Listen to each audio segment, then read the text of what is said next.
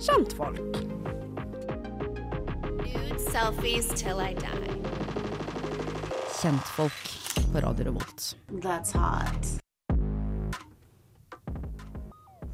Hei og velkommen til Kjentfolk, programmet hvor tre kjentfolk prater om eh, kjente folk. Eh, Og i dag så skal vi ha ingen ringere enn en Kardashian-spesial.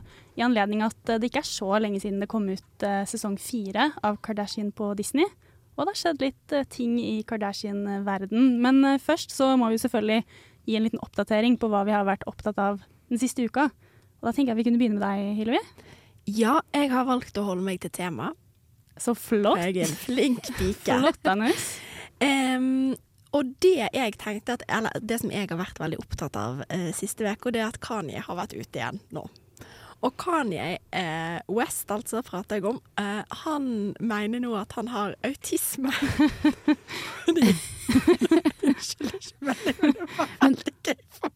Men hva da, at du tenker at liksom eh, Kanye West sitter med fidget spinner hjemme liksom og driver og Utrolig fordomsfullt, Hedda. Utrolig fordomsfullt. Det er jo et lære- virkemiddel sånn at folk med autisme kan være rolig i klasserommet da, Tora. Så jeg vet ikke hvem som er fordomsfull her, om det er meg eller deg. Det, det Kanye har gjort, da, Ja. det er at eh, han syns ikke at Elon Musk støtter han eh, godt nok.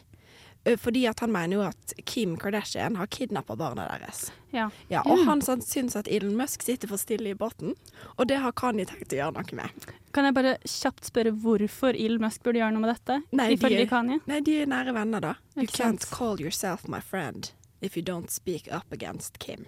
Er på en måte greia. Ok. Men det han sier det Han har sendt en tekstmelding til en kompis av seg som heter Ian. Det er ikke så farlig om han er Ian, han driter vi litt i. Det som er gøy, er at han har sendt en en tekstmelding, så har han sagt When are we going to speak? You owe me nothing. You never have to speak to me again. If we do speak, the nature of the relationship has to change. I'm not bipolar. I have signs of autism from my car accident. Akutt autisme der, altså? Ja, yeah, you can't watch Kim keep my kids from me and not say anything publicly and then call yourself my friend so I can bring my audience to your struggling platform. Det har da han sendt til kompisen sin Ian, som har delt videre screenshots av dette på Instagram, sånn at Ilen skal se det. Oi, oi, oi. Og fordi at eh, Kanye var jo en eh, bilulykke en eller annen gang, jeg husker ikke helt når det er, 2003 eller noe. Eh, og da mener da Kanye, han ble faktisk ganske hardt skada, men han mener at han ikke er bipolar, men har fått autisme Ja. av da den bilulykken. Så sånn kan det gå. Et veldig vanlig symptom på autisme er faktisk å bli antisemittist. Ja, Visste dere det? det har jeg òg hørt. Klassisk. Klassisk. Autist. Nei da, så det er det jeg har dabla litt med. Det, Ja, men det skjønner jeg. Det var meget, uh, meget interessant. Eh, hva med deg da, Hedda? Du, jeg har ikke holdt meg til tema, men jeg har holdt meg på noe som jeg syns har vært veldig interessant. For vi har jo pratet litt om Alexander Rybak, og jeg føler at jeg har blitt en slags uh, det motsatte av en Alexander, Alexander Rybak-entusiast. Eh, fordi nå har det kommet da en person på TikTok som da har claimet eh, angående dette med Stalkergate. At det er hun som er stalkeren og kommer med sin side av historien. Og det er da en jente som heter Jane eh, Skripnik. Eh, som da har lagt ut dette Det, begynner med at hun la ut en post hvor det står Uh, When you're a 25 year old college graduate producing music for your famous friend and in return he tr threatens you with a private video that he made without your consent said he doesn't know you that you're even that you're not even assistant abuses your damage abuses you damaging your career when his fans calls you his escort Oi. Det er en ganske hard, eh, hard ting ting å melde, eller? Ja, det var hardt. Ja, og nå har jeg gått litt inn i, eh, i denne her eh, Jane. uh, og uh, hun sier jo da at uh, Alexander Rybak har lurt henne til eh, leiligheten sin. Og så har de ligget sammen, og så har han filmet dette her, men, uh, dette her og gjort det veldig tydelig på, vid uh, på videoen at det er henne. Og fått henne til og da, Det har vært et skjult kamera som han har fått henne da, til å uh, face kameraet. Eh, altså sånn, ha ansiktet sitt mot der. Og så har han, for egentlig, hun snakker russisk, og det gjør han òg. Han har fått henne til å snakke russisk i denne videoen, da, fordi, nei, men det er engelsk i denne videoen, da, fordi, men hun skjønte ikke hvorfor da. Eh, men jeg har jo sett tilbake, og nå har jo han da eh, filed a restraining order eh, mot henne. Men Men er dette hun som går way back tilbake til musikkvideoen nei, Leave Me Alone? nei, det er det ikke. annen Det er en annen, du må huske at det er mange. Det er Det- mange. Fordi Det er- dette er vel det han nevner når han sier sånn I have a stalker here Ja, in I Los Angeles. and my, and my uh, og, da, og da for eksempel nevner han da at det har vært en som har sittet utenfor leiligheten. Men det er visstnok det som er, det hun har gjort, er jo da at hun har funnet ut Fordi at han har jo truet henne med at han skal lekke denne videoen. Og det er det screenshots av. Ikke Det er ikke lett å si om dette her var eh, er photoshoppa eller ikke.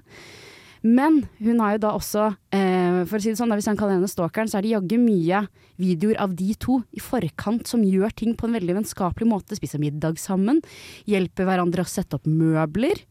Eh, henger sammen, på Ja, og, og, og hun da har jo da jobbet som en sånn assistant producer eh, i, i eh, der hvor han er, da, som han har brukt for å få seg selv inn. Men, eh, men nå har han da filed for restraining order, og hun da kommer ut med dette her og sier det at ja. Så jeg har gått ganske hardt inn i videoen, og det kan jeg kan ikke si noe som helst så sikkert, altså, men det er jo litt merkelig, må jeg si, at han da har, eh, har hengt såpass mye med en stalker på en vennskapelig måte, eh, som han ville gjort med en venn. Men to spørsmål. Ja. Hvordan har folk eh, reagert på videoen hennes? Og nummer to, har han reagert på videoen hennes eller sagt noe Mm. om det hun har påstått? Ja, fordi at eh, folk reagerer jo eh, veldig støttende til henne. Folk tror på henne, henne, ja. virker det som, Shit. i denne videoen her. Oh. Eh, og det er mange videoer, altså. Det er mange videoer. Sånn, det er ikke bare én video. Hun, har, hun har pulled the receipts, for å si det sånn. Eh, og, har, eh, og har til og med da anmeldt han og har lagt ut bilder av at hun har anmeldt han for å drive og ja, ja bla, bla, bla. bla.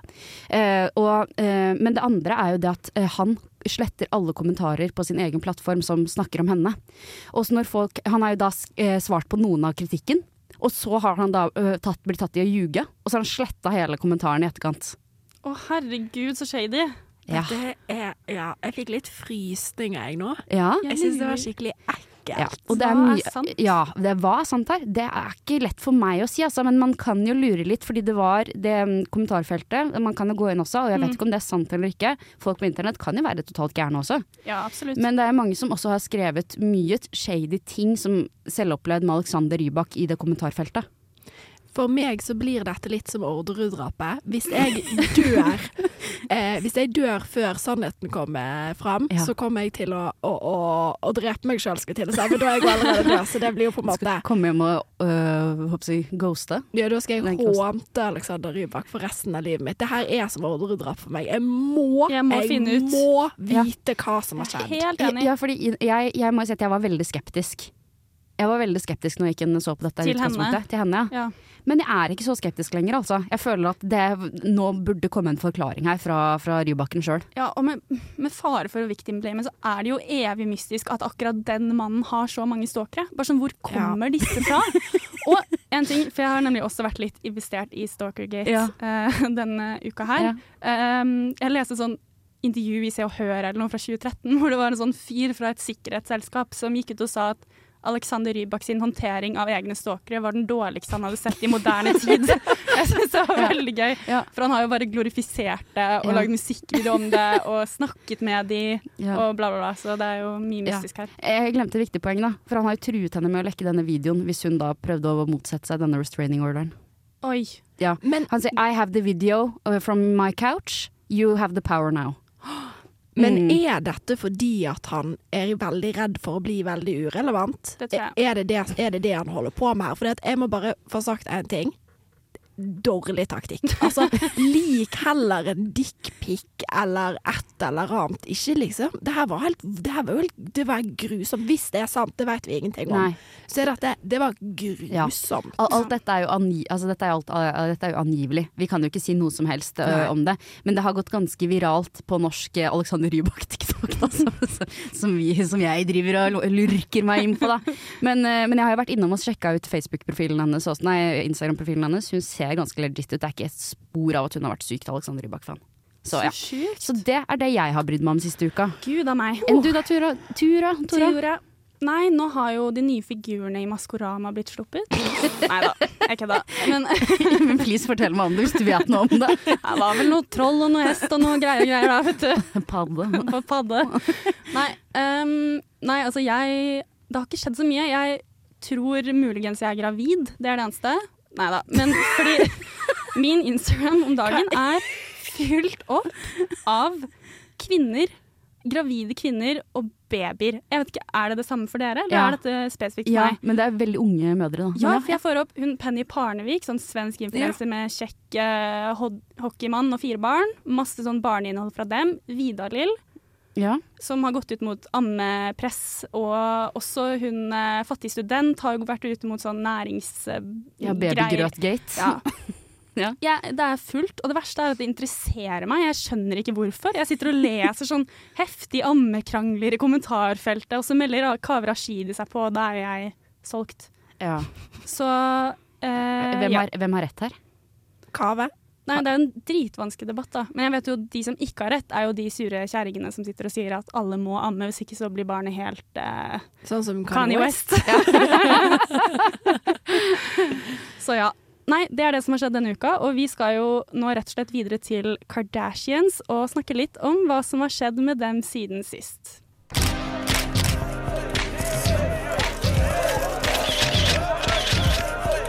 Kjentfolk ute.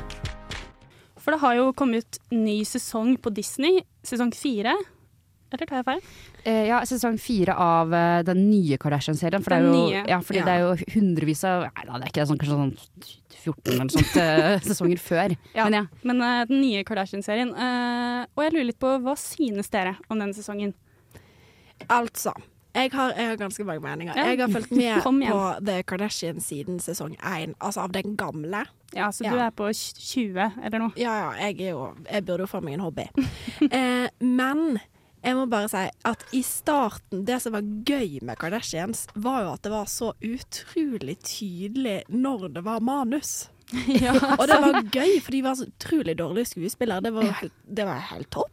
Helt konge, syns jeg det var. Og det var mer sånn Jeg vil liksom ha tilbake det litt sånn Veldig sånn trashy over det. Jeg vil ha tilbake på en måte den stripper-polen i stua. eh, jeg vil ha Juicy Couture. Jeg vil liksom Altså nå føler jeg at ting har blitt gjort så sykt profesjonelt eh, at det ikke er så gøy lenger. Men så begynte, hoppa jeg tilbake, for jeg slutta av den nye, det som ligger på Disney Pluss nå. Ja. Eh, så slutta jeg etter sesong én, og så hoppa jeg tilbake igjen på denne sesongen og var sånn Kanskje jeg burde catch up Mm. på hva som skjer. Og nå syns jeg de er ganske gode på drama igjen. Ja, for jeg syns dette har Det vært en god sesong, Ja. må jeg si. Ja, syns, fordi at jeg syns jo det at før så var det jo kanskje sånn Jeg vet ikke helt, jeg følte en episode hadde vært for sånn fire plott. Men nå føler jeg en hel sesong har det samme plottet. Ganske stort, da. Ganske omfattende. Vi skal snakke om det seinere, men det er jo da Weddinggate som jeg snakker om, da. Ja. Mm. Eh, at, eh, at før så var det på en måte sånn eh, Scott Disick prøvde å bli lord eh, og jabba, jabba, jabba, men nå er det bare krangling og Dolce Gabbana og Det er sant. Det er liksom De har mistet rølpefaktoren. Og det er veldig mye fyllmateriale, Ja. Veldig. må jeg si. Og, og så har de på en måte prøvd ja, Ok, nå er jeg jo jeg kritisk, da.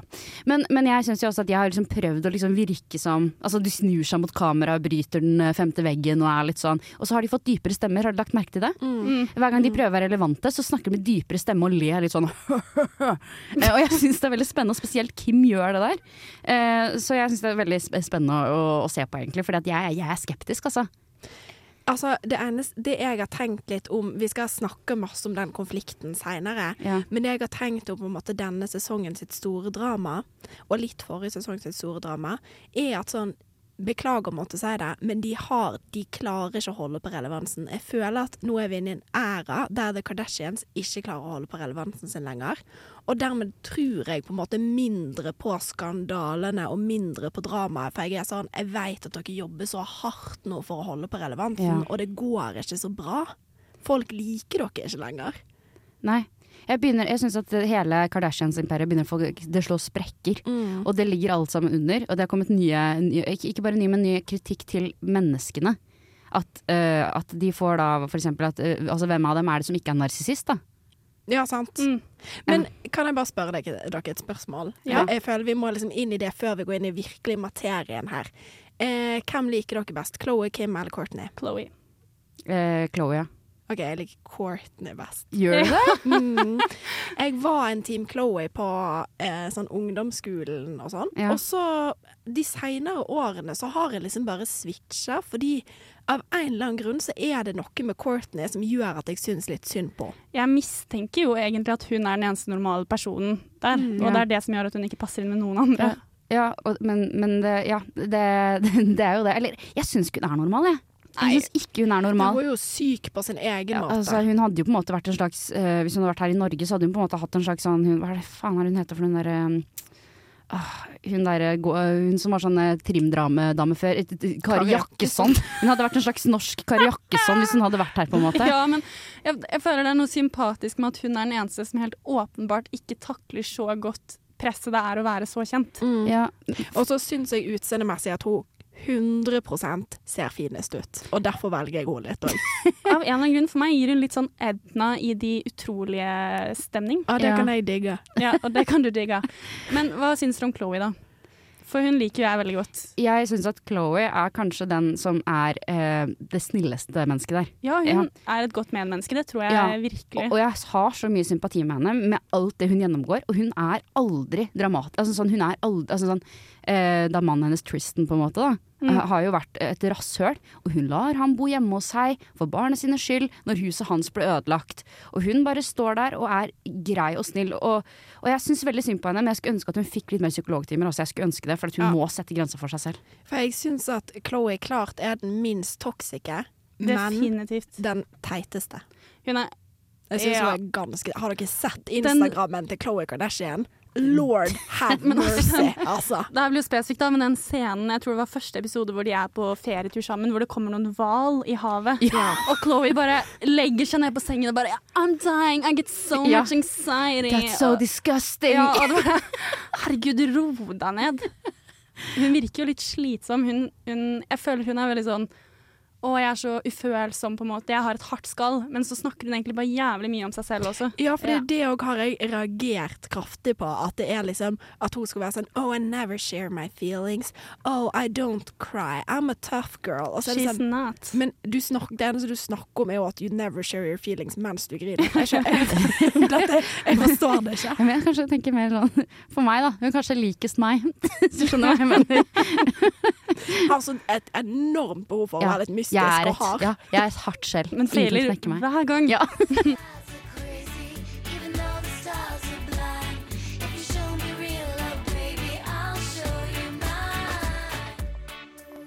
Den even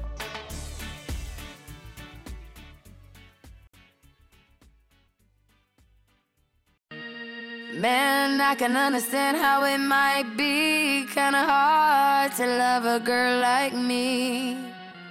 I don't blame you much for wanting to be free.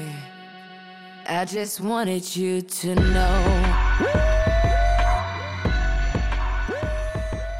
Lyden av Rihannas stemme i denne introen tar meg rett tilbake til herrens år 2016, da jeg og venninnene mine hver lørdag kjørte en blå Volvo ut fra folkeskoleområdet og inn til Kabelvåg sentrum, der smaken av billig vin på brusflasker, lukten av gammel bil og lyden av Kanye West ble det faste bakteppet for vorsene, der målet var å få høyere promille uten å bli ferska av en lærer eller fryse i hjel i minusgrader.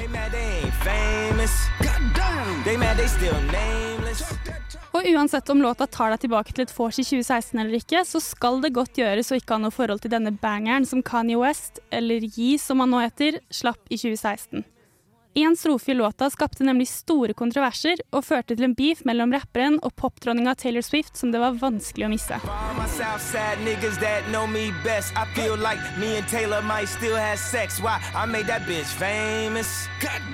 I made that bitch famous. Men for å skjønne hvorfor Kanye i 2016 påstod at han hadde made that bitch famous, må vi spole syv år tilbake til 2009. Da sto nemlig Taylor Swift på scenen på MTV VMAs og holdt en takktale for prisen hun nettopp hadde mottatt for årets beste musikkvideo. Men hun skulle ikke få sagt så mange ord før en sjokkert verden kunne se en overmodig rapper som plutselig entret scenen, kapret mikrofonen hennes og avbrøt takketalen. I always dreamed about what it would be like to maybe win one of these someday, but I never actually thought that would happen. Uh, I sing country music, so thank you so much for giving me a chance to win a VMA award. I, Yo, Taylor, I, I'm really happy for you. I'm gonna let you finish. But Beyonce had one of the best videos of all time. Avbrytelsen ble ikke særlig godt tatt imot, verken av publikum, Swifties eller Taylor Swift. Til og med Barack Obama gikk ut i etterkant og kalte Kanye for en jackass. Men kanskje litt overraskende så la Kanye seg ganske umiddelbart flat etterpå og skyldte på det han selv kalte en blanding av ærlighet og alkohol. Og etter at han til og med ringte Taylor for å gi en personlig unnskyldning, var derfor stemningen mellom de to artistene tilsynelatende god, da Taylor Swift fremførte låta 'Innocent' på samme prisutdeling året senere, en låt som angivelig handler om nettopp dette dramaet med Kanye.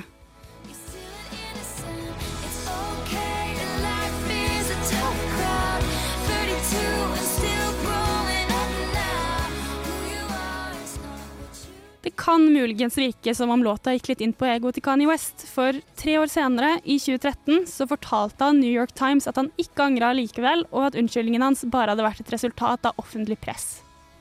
To år senere, i 2015, så påstår allikevel de to superstjernene at de har blitt venner. Taylor erklærer seg som Kanye-fan da hun skal introdusere han på MTV VMAs samme år, og han følger opp dette med å sende henne blomster.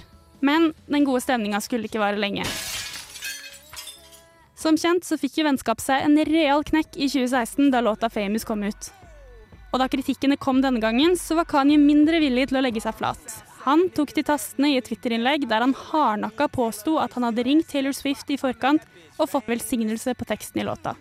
Mange av Swifts venner, inkludert Gigi Hadid, gikk sterkt ut mot Kanye, og flere dager senere så brøt også Taylor selv tausheten da hun tok imot Grammy-prisen for årets album. And as the first woman to win Album of the Year at the Grammys twice, I want to say to all the young women out there there are going to be people along the way who will try to undercut your success or take credit for your accomplishments or your fame. But if you just focus on the work and you don't let those people sidetrack you, someday when you get where you're going, you'll look around and you will know that it was you and the people who love you who put you there. And that will be the greatest feeling in the world.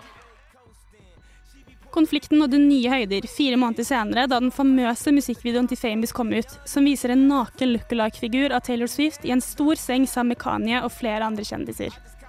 Og når legenden og Kanyes daværende kone Kim Kardashian entrer dramaet, da er konflikten fullbyrdet. Kim Kardashian går ut i media og bekrefter at Taylor visste om låta i forkant, og i en episode av Keeping Up With The Kardashian gjør hun det tydelig hva hun synes om saken. I just felt like I wanted to like defend him in it. Mm-hmm. Because it's like she legitimately quote says, as soon as I get on that Grammy red carpet, I'm gonna tell all the press. Like I was in on it. And then she just didn't like the reaction. Yeah, and you know, just another way to play the victim. Definitely got her a lot of attention the first time. I just don't think that he should be punished for it still to this day. I feel like Og det ble fort veldig tydelig at Kim følte et stort behov for å forsvare mannen sin. For samtidig som seere kunne se episoden på TV, så la hun ut flere videoer på Snapchat som viser Kanye West som prater med Taylor Swift på telefonen om den kommende låta 'Famous'. Well, is it gonna be mean? No, I don't think it's mean. Okay, then then let me hear it. Okay. It says, um, to all my South Side niggas that know me best, I feel like Taylor Swift might owe me sex.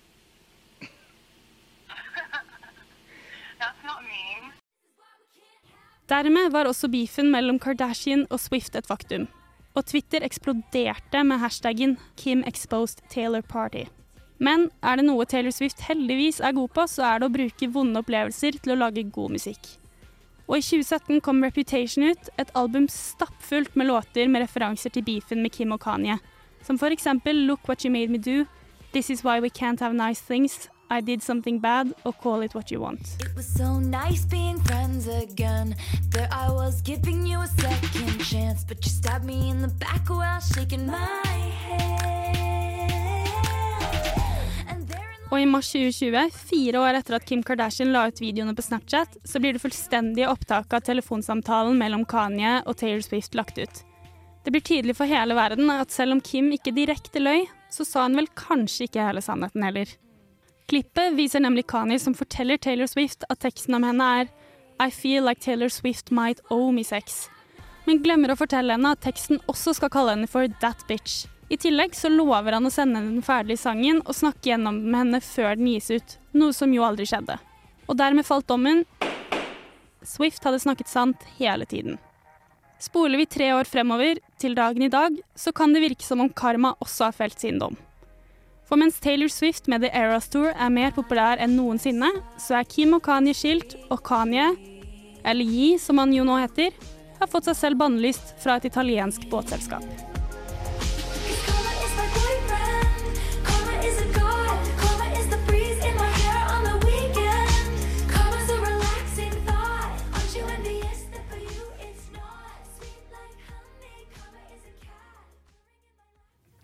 Så da lurer jeg jo litt på hva dere tenker. Jeg vet jo, Det er jo en beef man har fått med seg. Men var det noe informasjon her som dere ikke visste om fra før?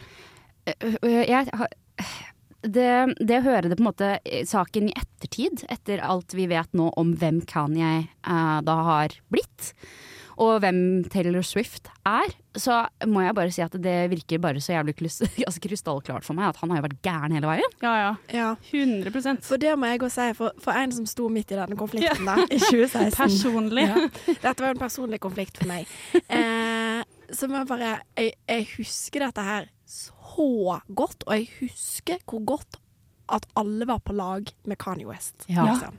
Han kunne ikke gjøre noe feil. Han var en gud, et musikalsk geni. Det var ikke måte på. Og det er så gøy, som Hedda sier, å høre det i etterkant. Fordi at nå er det liksom Nå er jo Taylor Swift på sin høydare av karrieren nok Ja. en gang. Mens han er jo, som du da, Tora, så fint sa, eh, utestengt fra et båtselskap i Italia. Ja. Eh, så ja. Ka- Karma is my boyfriend. Men, men hva, hva, tenker, hva du, eller hvordan var det å lage den saken eh, for deg da? Hva er det du Altså, tenkte? Det var vanskelig å begrense den, må jeg si. Fordi det var jo helt sjukt mye juicy informasjon ute på det her. Um, jeg tenker også sånn, En ting er at Kanye har blitt gal, og at det også setter denne saken i et visst lys. Ja. Men også det med hele metoo, da, og hvordan da dette skjedde, så hadde man kanskje ikke vært gjennom den samme reisen Nei. som man har vært nå. Og det gjorde jo også at Taylor Swift i stor grad ble sett på som litt sånn litt sånn prippende og kom igjen da, det må jo være greit at han viser deg naken i en musikkvideo, på en måte. Gamle grisen Gamle driver og grisen. eh, seksuelt trakasserer eh, Taylor Swift countryartist, liksom. Ak, ak, ak. Det er sånn, sånn, det er litt sånn, eh, jo, mer, jo mer jeg smatter på den saken, jo verre smaker den. Altså. Ja. Spesielt da hun tok imot prisen uh, Ja, det er jo godt over ti år siden. Hun var jo så ung. Hun var jo, jeg tror hun var 17 år. Ja, jeg. helt vilt. Og det er bare fordi hun har sagt i etterkant òg at hun trodde, når han gikk opp på scenen, sant, så begynte masse folk å bue etter han hadde sagt det han hadde sagt, og hun trodde ganske lenge at de bua til hun Og skjønte ikke at de bua til han, at alle var sånn 'Dette her er ikke OK'. Det kan du ikke drive med. Så han ble jo bua på. Eh, og hun har trodd ganske lenge at det var hun, og det er veldig Ja. trist å tenke på nå. Ja, og hva tenker vi om Kim Kardashian oppi det hele, da? Det er jo det som, hun er jo bindeleddet på en måte til denne her saken. På en måte så er jeg litt sånn Hun var sammen med en gal fyr som jeg skjønner at hun følte et visst behov for å beskytte. Ja. Det jeg hater med det, er jo selvfølgelig at en kvinne går så hardt ut mot en annen kvinne. Jeg tenker Det er liksom aldri nødvendig å gjøre det til et sånt mellom kvinner-drama som det ble. Da. Og det var jo sykt mye sånn shade som ble kasta fra Kim Kardashian. Det var jo en grunn til at eh, slangeemojien også gikk viralt, var jo fordi Kim Kardashian sa sånn 'It's International Snake Day', og så henviste hun på en måte til Taylor Swift, da. Bra diss, da. Eh, Det er en bra diss. bra diss. Men så er det jo så digg med Taylor Swift hvordan hun hver gang klarer å bruke på en måte slemme folk til sin fordel. Og nå har jo den store slangen vært fast eh, innslag, både nå på The Era Store, men også på Reputation. da. Så det er nydelig. Veldig spennende. Hmm. Under loopen. Wow. Ny jingle. Den var fin. Premiere. Ja. Flott. Ja, for nå skal vi nemlig ta, ta for oss uh, detektivloopene våre og granske en hendelse eh, som, som vi har hintet til tidligere, i hvert fall. Og det er jo da den såkalte Wedding Gate. Eh, og det begynner jo da med at eh, Eller ikke, det begynner ikke med det, men eh, jeg, jeg begynner denne saken med, med at eh, Kourtney Kardashian, altså den eldste Kardashian-søsteren, da, storesøstera til Kim, eh, og Travis Barker gifter seg eh, i eh, 22. mai i 2022. Og hun gifter seg da med han eh, i et Dolce Gabbana-sponset, eller designet bryllup, hvor hun har på seg en liten sånn 90-talls korsett eh, minikjole når hun går nedover alteret. Og de, dette er jo ikke engang det første bryllupet de har, dette er jo det tredje. De har gifta seg tre ganger før dette bryllupet. Kan, for de sjuke jævlene som ikke har sett de bildene av brude, det bru- brudekostymet, som jeg liker å kalle det. Da må google det når, mens Hedda snakker nå. Ja, gjør det. Ja. Uh, men uh, ja, uh, og hun har jo da også et langt eh, slør. eh, eh, hvor det da er inskribert da, etter en av tatoveringene som er på hodet til Travis Barker. eh, hvor det står da eh, eh, 'family, loyal loyalty, respect'. Men det kan jo da også røpe at uh, tiden etter er jo preget av alt annet enn family loyalty og respect. For nå skal jeg nemlig spille av et lite klipp av hva som har skjedd uh, da, denne perioden etter dette bryllupet. You stole my wedding country and my wedding performer. You okay? Yeah, but she's gonna get the out of here. This is the real problem. Last season was really rough. She's mad that I'm doing the Dolce thing. What do you mean? I think it's that you saw this thing that was mine and that wasn't yours and that you wanted it. See, that's where I you think you're it really. and made it bigger. No, that's where I think that you're wrong. If anything, I was like, I don't like, and I told Chloe, I don't like your look. I don't like this. I don't like. If it was visually, it was not my thing, and I tried to do everything to stay away from that. But even like you said, Like you're missing the point. I- It's not about the clothes. Courtney, it's not that point. original. Everyone does 90s. Like, it's not a new concept, is what I'm trying to say. And there's only so many looks to pick from. You're talking about the bullshit details because it's all your egotistical, selfish mind can think about. You cannot stand someone else being the center of attention. You came to my wedding, you couldn't be happy. You complained from the second you got there till the second you left. That's what it's about. Forget about you couldn't be happy. You couldn't be happy for me. You couldn't be happy that I was the center of attention and you weren't. What is it that you feel so low of me? If you'd like to. No, I want you to dig deep and figure out why you why you hate me so much and why you're so angry with me because all of this never happened. I was so happy for you. I was so wh- why would I not, I not be happy for you? I felt at my wedding like you weren't happy for me. So Because you if have wanna- a you serious on- vendetta. You just are a different you you hate us. You you're a different person. We all talk about it. All of your friends call us complaining whether you think they're the ones going to you. They're all coming to us on the side saying the opposite to us. So we're all confused and we're on a group chat that's actually labeled not Courtney. So we know and have to funnel what your friends are saying to us. And have to figure out why you're such a different person and why you have this vendetta out. would want to be like They're your friends, the ones that you speak to on a daily basis. But you take it all out on me. Time it's and about you. You are a narcissist. It is all about you. are you happy? Yes. The happiness comes when I get the away from you guys. Like understood. specifically you. I'm concerned, but I won't be because I'm a narcissist. So I'm only going to think about myself. I What can what I do about. to make you feel Think that about it. you well, want? certainly not having side chats specifically as me as the topic. Well, your kids have even come to me with problems that they have and how you are. So Is that helpful? You're like adding it into a fight to like have a side like it's you and my friends and my kids and everyone against me. It's like you're just a witch and I hate you. Okay. Det, hvor ofte krangler dere med søsknene deres på den måten der? You're just a fucking witch. Det pleier jeg å si ganske ofte. Altså. Når jeg kommer hjem til jul, så er det det i åpningsreplikken min. Ja, fordi denne saken her eh, vil jo jeg på en måte da egentlig delt opp i, eh, i tre deler. Det Mhm. ene er selve bryllupet.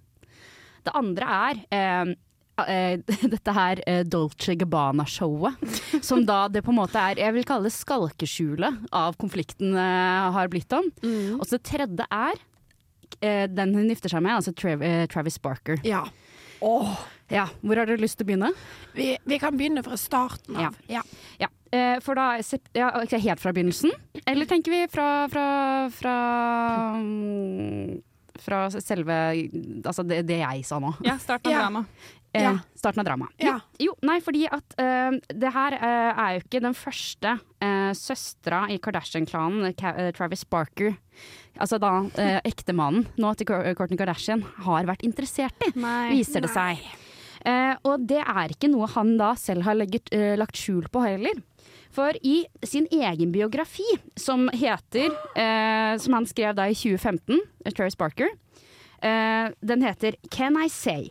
Living Large, Cheating Death and Drums, Drums, Drums. det er den boka heter. Eh, så forteller jo han eh, om at han eh, møtte Kim Kardashian i 2006, og fikk en veldig hard crush på henne.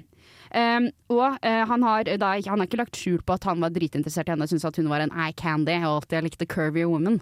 Uh, men eh, men det har jo da alltid vært et eh, De har jo liksom hengt sammen og ikke nødvendig og de, de nekter i etterkant da for hvert fall at de har hatt et intimt forhold. Ja. Men de har jo hatt da et uh, tett forhold før dette her, Kim og Travis. Ja. Og, og jeg må bare si at Travis han er jo, jeg tror jeg glemte å si det, Travis er jo da uh, en kjent trommer fra bandet Blink 182, som er sånn postpunk-rockeband. Um, så, så eh, Men i hvert fall, da. Det er jo da en tid etter at eh, eh, de to holdt på, da. For dette her var i 2007, tror jeg da det var på en måte Kim og Travis' relasjon, de som var på høydepunktet. Men det er i 2020, 2020 at da han og eh, Courtney da får det på. Ja, for vi må det, det, det er flere ting her jeg har lyst til å peke på. Det første er at nå er det jo eh, over 40. Alle involverte i denne krangelen. Det er lett å glemme, er over faktisk. 40 Ja, år. det, ja, fordi eh, Courtney er 44, Kim er 43. Ja. Travis Barker har ikke peiling på. Nei, men han òg er noe over 40. Han Ja. er jo voksne barn. Ja, han er voksne barn som er 20 og over. Ja. Um, og eh, Det må vi peke på. Og så må vi òg peke på at i 2000 Altså at det der har kommet opp at, eh, at han var keen på Kim, det er dritlenge siden. Det, er jo Mm. sånn, det er jo faktisk 20 år siden. Og skal vi på en måte dømme både Skal vi dømme han for at han syns at Kim var litt digg i 2006? Hvem syns ikke. Kim var digg i 2006? Nei, absolutt ikke. Men eh, litt av den relasjonen her, da, som det virker som om eh, I hvert fall sånn eh, sett i etterkant, så virker det som om Kim, når hun i dette klippet da, eh, Mm. med Courtney prøver å få henne til å si Ja. at du er sjalu for at jeg gifta meg med Travis. Er dere enige? Absolutt. Ja, Ja. og hun er Absolutt. så slem. Altså, Ja. Hun stikker hvor det gjør vondt. Gang på Ja. gang på gang. Spesielt det med barna. Ja, jeg ble litt sjokkert, jeg, på ekte. Altså, man har jo sett mye stygg drama i Kardashians, men det her synes jeg var liksom vondt. Jeg, jeg følte at hun tok jo altså sånn, Det virker som Kim egentlig ikke helt forsto.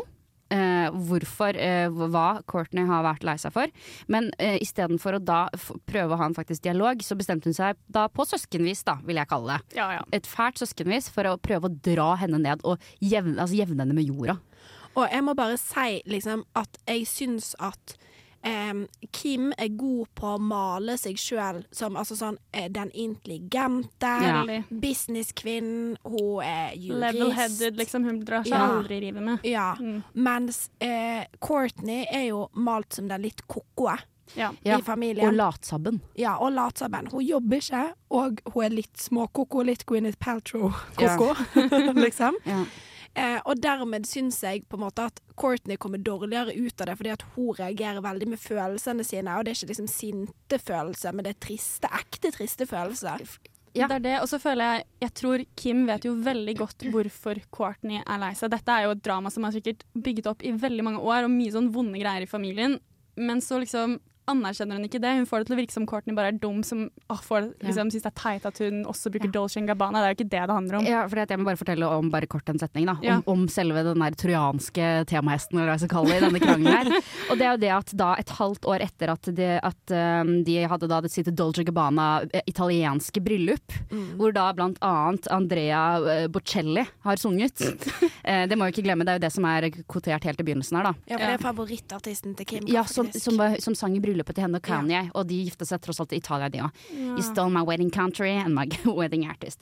Men hun har da i hvert fall kurert et show som heter Chow Kim, eh, som det er Dolce Gabbana, hvor hun har tatt, tatt for seg 20 år med favoritter fra Dolce Gabbana, og da kurert dem. Og da har, da hun visstnok da stole her eh, Altså tatt the, the wedding vibes yeah. eh, fra bryllupet og brukt dem til å da stjele Dolce Gabbana. Det er det på en måte som er på en måte da eh, det som Kim tror de krangler om. Ja, for jeg tror at krangelen Eller det tror vi jo alle, krangelen handler jo egentlig om noe helt annet. Det Mm. handler om at Courtney ikke har sett seg blitt sett på den viktige dagen sin, og Ja. at sånn Jeg tror nå, vi, nå kommer det veldig tydelig fram hvilket eh, team jeg er på her. Ja. Men jeg tror liksom at, um, at Courtney endelig er lykkelig. Hun har faktisk hatt Ja. en skikkelig Hun har hatt hardt med Scotty Sick. Ja. Det har vært skikkelig vanskelig for henne. Ja, den forrige mannen hennes. Ja. Eller ikke mannen, kjæresten. Ja, kjæresten. Hun har, hatt, hun har hatt det tøft, liksom. Det er vanskelig for henne å være kjendis. Jeg tror egentlig aldri hun har hatt særlig lyst til det. Nei. Og så i tillegg, eh, nå er hun endelig lykkelig. Hun skal ha barn med mannen sin. Hun har funnet en liksom stabil, fin fyr. Hun har familie. Jeg tror egentlig endelig hun er ganske fornøyd. Og så, Ja. og så kom ikke liksom Kim glad på hennes vegne. Jeg tror det er det det handler om. Jeg tror hun merker ganske fort at familien egentlig ikke er så interessert når hun bare har det bra. T- Tror dere at eh, altså, Hvem er det dere tror på her? Om jeg kan eh, spørre dere det spørsmålet så, så freidig, om dere har noen meninger? Courtney. Courtney. Og så tror jeg på at Courtney har dårlige venner som driver Ja. og baksnakker ja. sammen med Kim. Ja. 100 om jeg tror på det. Ja, men jeg vil jo si det at uh, grunnen til at Kim sa de tingene også, var ikke for å hjelpe Courtney Nei, med å forstå hvor fake venner hun har. Og jeg bare føler at dette her er mye sårere for Courtney enn for Kim, og derfor burde Kim vært the bigger person, liksom uansett. Mm. Og man bare, Det er så lættis i det klippet som du spilte av, hvor det blir skikkelig vondt, og hun sier at uh, ja, barna dine har kommet og snakket med meg, sånn, så sitter hun jo på mobilen sin, og det er tydelig at hun tekster, og liksom sånn Hun Ja. er liksom på telefonen mens denne sykt dramatiske søskenkrangelen pågår, da. Ja. Kim, altså. Ja. Så bare, jeg føler liksom ikke at hun egentlig bryr seg. Nei. Eller sånn, veldig merkelig. Ja, nei, jeg syns det er dritsårt. Og jeg må jo si at uh, når man snakker om da Jeg har tidligere sagt at Kim på en måte er så sykt snill og grei og sånne ting. Mm, mm. Det tror ikke jeg noe mm, på etter den Hun er en snake. Ja. Hun, er, en snake. Og hun kaster òg sin egen familie under Bussen. bussen. Ja. Men jeg bare syns det er så gøy sånn. Vi har jo alle kranglet med søsknene våre om klær, på en måte. Låne klær, du stjeler klærne mine. Jeg bare Ja. synes det er så gøy skalaen i dette, når du er i Kardashian-universet, er på en måte You stole Dolce Gabbana. Det er sånn. Ja. Jeg syns det er så gøy. Det er så grand. Ja. Og du, du stjal Andrea Bocelli. Ja. ja. Fy fader, ass. Men, men ja. Men, men, men jo, apropos, hva syns dere om selve bryllupet? For det er helt ærlig, jeg digget estetikken Ja, der. fordi jeg husker vi snakket om det da, og fordi jeg var ganske skeptisk. Jeg syns det var litt Ja. tacky og stygt, for å være helt Ja. ærlig. Kanskje jeg er litt konservativ, hvem vet. Men du, du, syns, du følte hun glødet i dette bryllupet? Ja, hun koste seg så mye, og hun følte at hun gjorde det mest originale i hele verden. Og det var helt tydelig at Ja. hun syns det. Og jeg, og, Det er det som er så ja. trist. Hun hadde jo tenkt ut dette selv. Ja, det er nettopp det. Men, men, men det er mye som kan sies da um, angående Dolce Gabbana, fordi at Kim har alltid vært en Dolce Gabbana-dame lenge før denne tiden her. Men eh, jeg syns jo at selve kjolen den synes jeg var dritkul, og jeg syns det er sykt kult at hun prøvde å gjøre noe annet. En, til en viss grad enig i det. Jeg syns bare det er noe utrolig harry over sponsa bryllup. Det er jeg enig i. Det bare får hele meg til å Jeg får på en måte frysninger på en, på en vond måte. At jeg bare, det er liksom Det er så tacky. Men Dolce Gabbana gjør dette her. De har også sponsa faktisk eh, en av de britiske eh, kongelige bryllupene. Ja, ja. Samme, samme, og det, det for å si det sånn, det, storparten av kaka gikk ikke til eh, det Travis Barker uh, and Mrs.-bryllupet der, altså. Nei, fordi det var vel eh, Var vel niesa til Princess Diana, tror jeg, fikk bryllupet sitt sponsa Dolce Gabbana òg. Men jeg syns det er harry uansett hvem det Det er som får bryllupet sitt sponsa.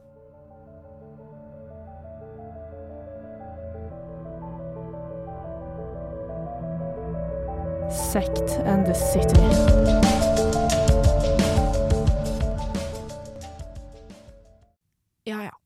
Sekt er kanskje et vel bredt begrep her hos kjentfolk. Likevel så har Kardashian-familien dabla en del borte i det religiøse landskapet.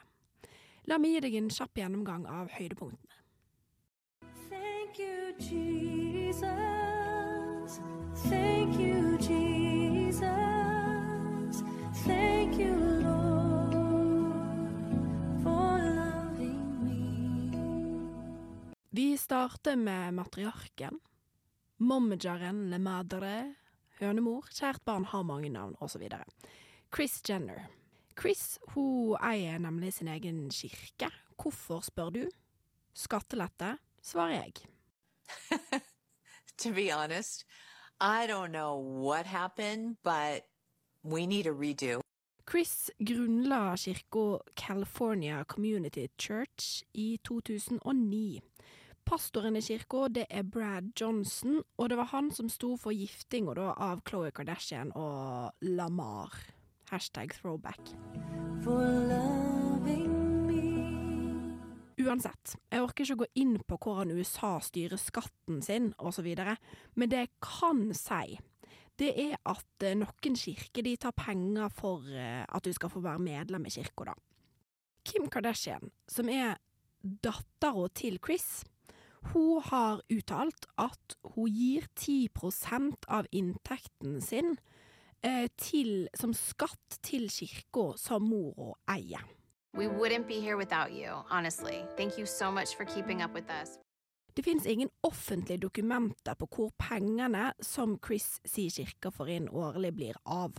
Betaler altså bare Kim skatt til sin egen mor?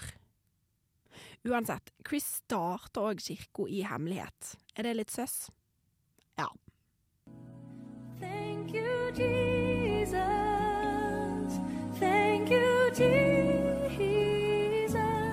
Thank you, Lord, for loving me. Ja ja, la oss gå videre til juicen. Det er først når Kanye West, eller Ye, jeg vet helt ærlig ikke hva han vil kalles om dagen, det er først når han gjør sin entré i familien at vi kan snakke om religion med stor R.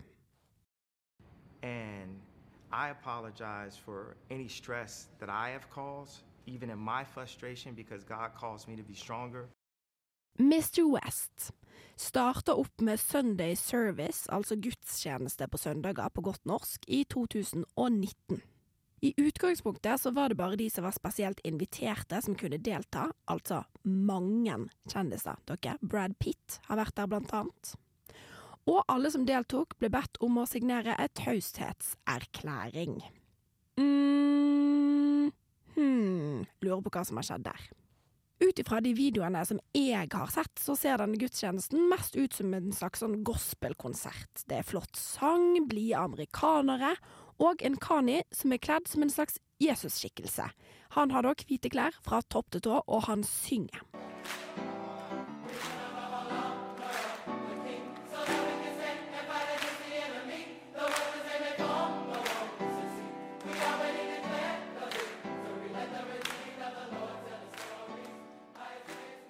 Mer om Kani og religion, det får du faktisk ikke. Google it, det er mørke saker. Uansett. De yngste søstrene i Kardashian-universet, Kendal og Kylie, de har òg rota seg bort til Gud på et tidspunkt, og jeg beklager å måtte si det, i ei sekt. De har nemlig blitt sett på flere gudstjenester, spesielt en gudstjeneste hos Hillsong i 2015. For de som ikke vet så veldig masse om Hillsong, så har flere ledere blitt anklaga for seksuell trakassering, for vold og for voldtekt. Kirka har òg blitt kritisert for homofobi, for transfobi og generell ukul oppførsel overfor medlemmene sine.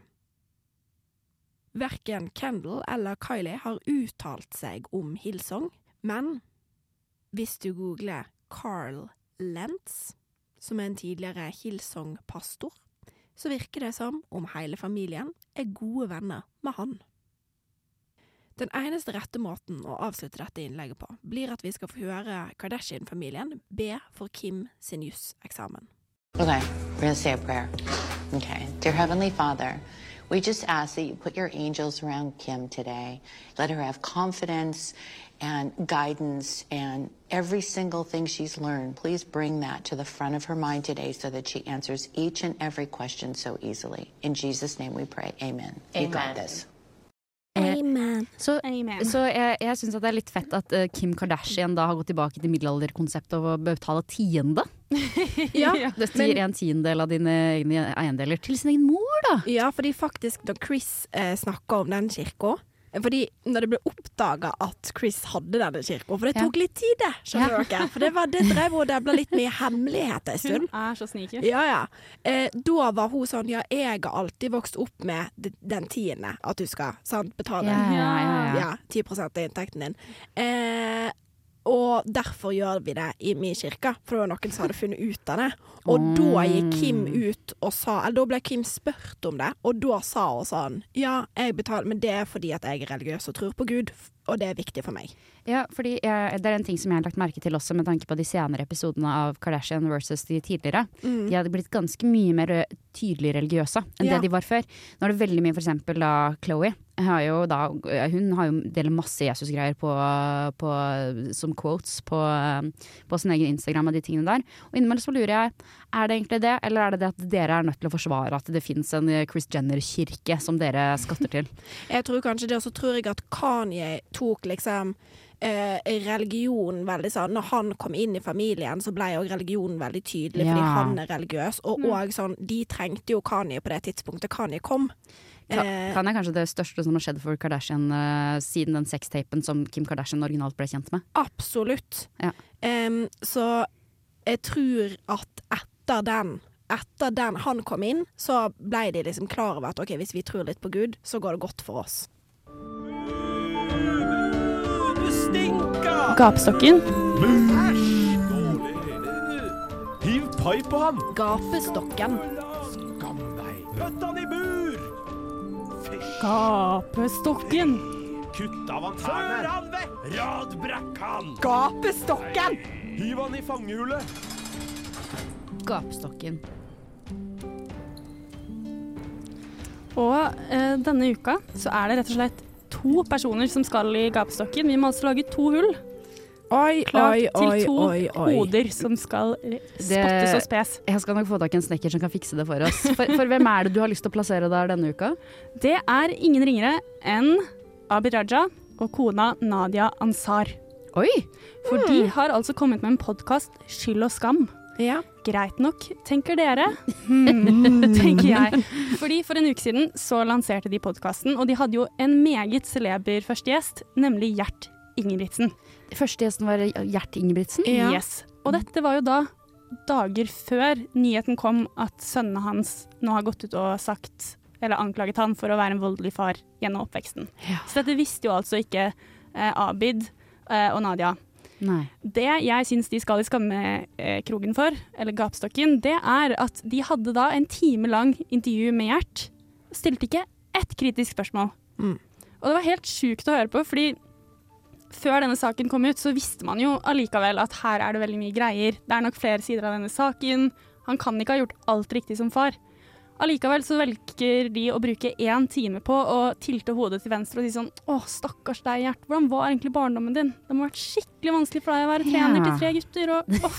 Nei, det Altså- skjønner jeg ble ordentlig dumt. Dette er en konflikt jeg ikke ville tatt på med en pinne engang. Jeg bare, At de tørde å ta på den konflikten. De må jo ha visst altså, OK, vi visste ikke alt, eh, men de må jo ha visst at her er det noe sketsjy. Ja. Så hvorfor har de lyst? Ja, og det for eksempel av ting som har vært ute. For eksempel at den yngste, nei ikke den helt yngste, da, men eh, den mellomste dattera, de har jo 700 000 barn. Hun har jo ikke bodd hjemme hos foreldrene sine på en lang stund. Mm. Og det er veldig rart at når det på en måte er ute i rampelyset, at man da ikke tenker hm, mystisk, hvorfor det da? Ja, og òg at denne saken involverer jo flere barn enn bare Ingebrigtsen-brødrene som vi kjenner. Det, Ja. det, eh, det handler jo òg om eksempel lille William, som Mm. bor hjemme hos foreldrene. Det handler om så mange. Og det, det altså eh, Nei, de burde, de burde ikke ha blanda seg. Kan jeg bare trekke fram Det sjukeste eksempelet fra den podkasten var at eh, Gjert påsto at grunnen til at guttene hans da har reagert så sterkt og tatt avstand fra han, er fordi de aldri fikk mulighet til å gjøre tenåringsoppgjør da de var unge. Og altså, Derfor- dette er et tenåringsopprør. Yes. Mm. Det er så utrolig provoserende. Mot en stakkars, stakkars far som bare ikke skjønte grensa mellom trener og far, og det burde noen ha sagt til han før. Skal vite, det burde noen ha sett, mener han da. At uh, han har ikke helt skyld i det heller, fordi dette kunne jo andre fortalt han. Å ja, så total ansvarsforskrivelse, og også skylde på sine egne barn for at de nå gjør et, eh, det han kaller ungdomsopprør mot sin egen trofaste far. Og dette fikk da null kritikk fra vår egen politiker, Abid. Men for jeg lurer på en ting, Tore.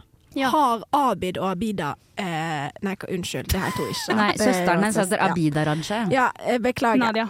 Nadia. Har Abid og Nadia sagt noe i etterkant av den episoden, når det som har kommet ut, har kommet ut nå? Ikke så vidt jeg har klart å se. Men jeg gjorde bare et veldig overfladisk søk. Men, men nei, ikke som jeg vet. De vet vel at Eller hva skal de si? Jeg vet ikke. De burde jo lagt seg flate, da. Eh, men det er jo en annen, annen ting som jeg syns er litt eh, mystisk også. Fordi at eh, Abid Raja er jo ikke fremmed for, eh, for eh, å ha det fælt i barndommen sin. Eh, Han har jo da selv eh, vært utsatt for grov omsorg, omsorgssvikt og Mm. eh, vold i hjemmet, i så stor grad at han ble tatt ut fra sitt eget hjem. Så jeg lurer litt på hva, hva i alle dager er det han altså, Har han ikke en, en personlig følelse av at, at du sitter med en person som kan være litt som, som din egen far? Jo, men det var det som ble litt fucka, fordi Gjert har jo åpenbart også hatt en veldig vanskelig barndom, så det Ja. ble på en måte narrativet. Her er det en med vanskelig barndom som pga. at foreldrene hans ikke var til stede, har vært over til stede for sine barn. Og det kunne jo på en måte Abid Raja sympatisere med, på en måte da, uten at han selvfølgelig vet at det også innebærer kanskje vold og liksom psykisk eh, terror.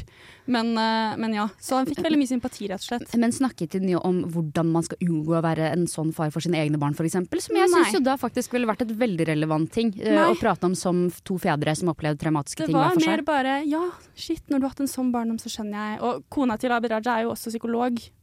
Eh, og tok vel i rollen som sympatisk psykolog overfor hjertet, og ikke overfor barna hans, kanskje.